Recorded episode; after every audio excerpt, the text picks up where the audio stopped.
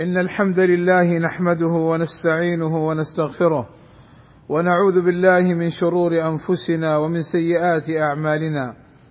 من يهده الله فلا مضل له ومن يضلل فلا هادي له. وأشهد أن لا إله إلا الله وحده لا شريك له. وأشهد أن محمدا عبده ورسوله. يا أيها الذين آمنوا اتقوا الله حق تقاته ولا تموتن إلا وأنتم مسلمون. يا أيها الذين آمنوا اتقوا الله وقولوا قولا سديدا. يصلح لكم أعمالكم ويغفر لكم ذنوبكم. ومن يطع الله ورسوله فقد فاز فوزا عظيما. أما بعد فاتقوا الله أيها المسلمون. ولنراقبه سبحانه في أعمالنا وأقوالنا التي سنحاسب عليها. عباد الله هذه الأيام العشر الأولى من ذي الحجة. فيها مواسم الخير والبركات فحري بالمسلم أن يستغلها بالطاعات واجتناب المعاصي والسيئات والتوبة والرجوع إلى الله عز وجل. وهذه الأيام خير الأيام عند الله وقد أقسم الله بها لشرفها وعظيم مكانتها. قال عز شأنه والفجر وليال عشر أي عشر من ذي الحجة. وبين النبي صلى الله عليه وسلم مكانتها بقوله صلى الله عليه وسلم ما من أيام العمل الصالح فيها أحب إلى الله عز وجل وما من عمل أزكى عند الله ولا أعظم أجرا من خير يعمله في عشر الأضحى. قيل ولا الجهاد في سبيل الله. قال ولا الجهاد في سبيل الله إلا رجل خرج بنفسه وماله. فلم يرجع من ذلك بشيء. وقال صلى الله عليه وسلم أفضل أيام الدنيا العشر يعني عشر ذي الحجة. وكان السلف الصالح رضي الله عنهم إذا دخل أيام العشر اجتهدوا في العبادة والطاعة. فمن رزقه الله الحج في هذا العام وحصل على التصريح للحج فأسأل الله أن ييسره له ويتقبله منه وأن يكون داخلا في قول النبي صلى الله عليه وسلم من حج فلم يرفث ولم يفسق رجع من ذنوبه كيوم ولدته أمه ومن لم يتيسر له الحج فلا يحزن فمن رحمة الله أن جعل لك بابا آخر تحصل فيه على أجر عظيم ألا وهو صيام يوم عرفة الذي أخبر النبي صلى الله عليه وسلم أنه يكفر السنة الماضية والسنة التي بعده. قال صلى الله عليه وسلم صيام يوم عرفة إني أحتسب على الله أن يكفر السنة التي بعده والسنة التي قبله وصيام يوم عرفة مستحب وليس بواجب إلا أن المسلم يحرص على هذا الخير العظيم ومن كان عليه دين من قضاء رمضان فلا مانع أن يصوم يوم عرفة ثم يقضي ما عليه من قضاء رمضان بعده.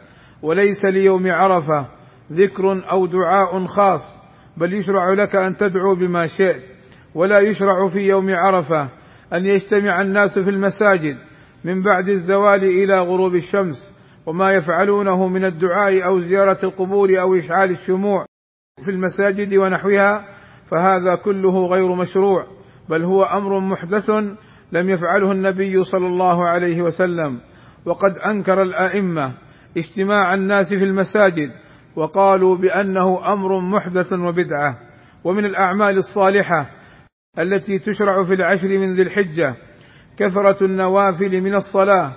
قال صلى الله عليه وسلم عليك بكثرة السجود لله أي الصلاة فإنك لا تسجد لله سجدة إلا رفعك الله بها درجة وحط عنك بها خطيئة. ومن الأعمال الصالحة صيام الأيام التسع الأولى. فقد كان صلى الله عليه وسلم يصوم تسعا من ذي الحجة ويوم عاشوراء وثلاثة أيام من كل شهر خاصة يوم عرفة. ومن الأعمال الصالحة ذبح الأضاحي يوم النحر وثلاثة أيام بعده لقوله صلى الله عليه وسلم من كان له سعه ولم يضحي فلا يقربن مصلانا. ومن أراد أن يضحي فلا يأخذ من شعره ولا ظفره لقوله صلى الله عليه وسلم إذا دخل العشر وأراد أحدكم أن يضحي فلا يأخذ من شعره ولا من أظفاره شيئا حتى يضحي. وهذا خاص بمن أراد الأضحية. وأما أهل بيته الذين يضحي عنهم فلا يلزمهم ذلك ولا يذبح إلا بعد صلاة العيد. فقبل الصلاة ليست أضحية. لقوله صلى الله عليه وسلم من ذبح قبل الصلاة فليذبح مكانها أخرى ومن لم يذبح حتى صلينا فليذبح على اسم الله. ولا تبع جلد الأضحية لقوله صلى الله عليه وسلم من باع جلد أضحيته فلا أضحية له والله أسأل لي ولكم التوفيق والسداد وأن يغفر لنا الذنوب والآثام إنه سميع مجيب الدعاء.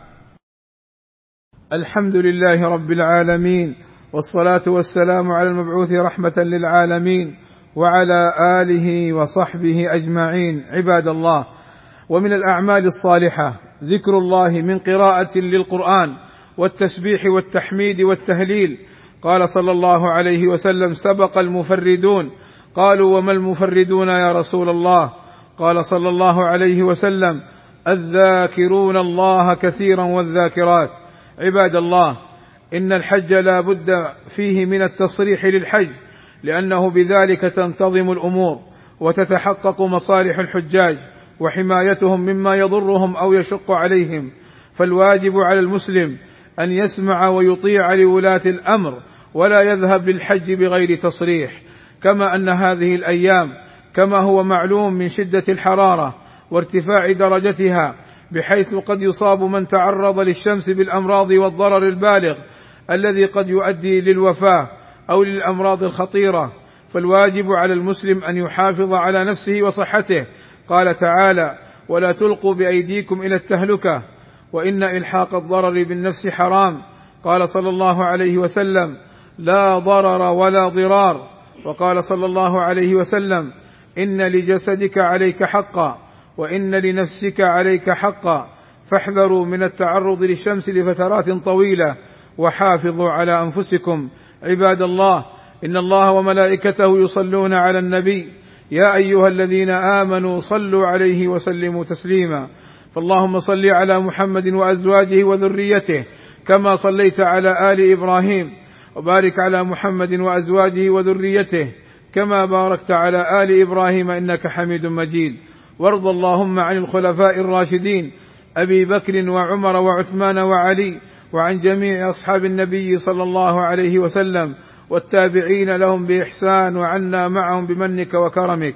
اللهم آتنا في الدنيا حسنة وفي الآخرة حسنة وقنا عذاب النار. اللهم اغفر للمسلمين والمسلمات والمؤمنين والمؤمنات الأحياء منهم والأموات. اللهم وفق ولي أمرنا وولي عهده لما تحبه وترضاه. وأصلح بهما البلاد والعباد واحفظهما اللهم من كل سوء. اللهم أيدهما بتأييدك ووفقهما بتوفيقك وأعز بهما الإسلام والمسلمين. والصلاة والسلام على المبعوث رحمة للعالمين.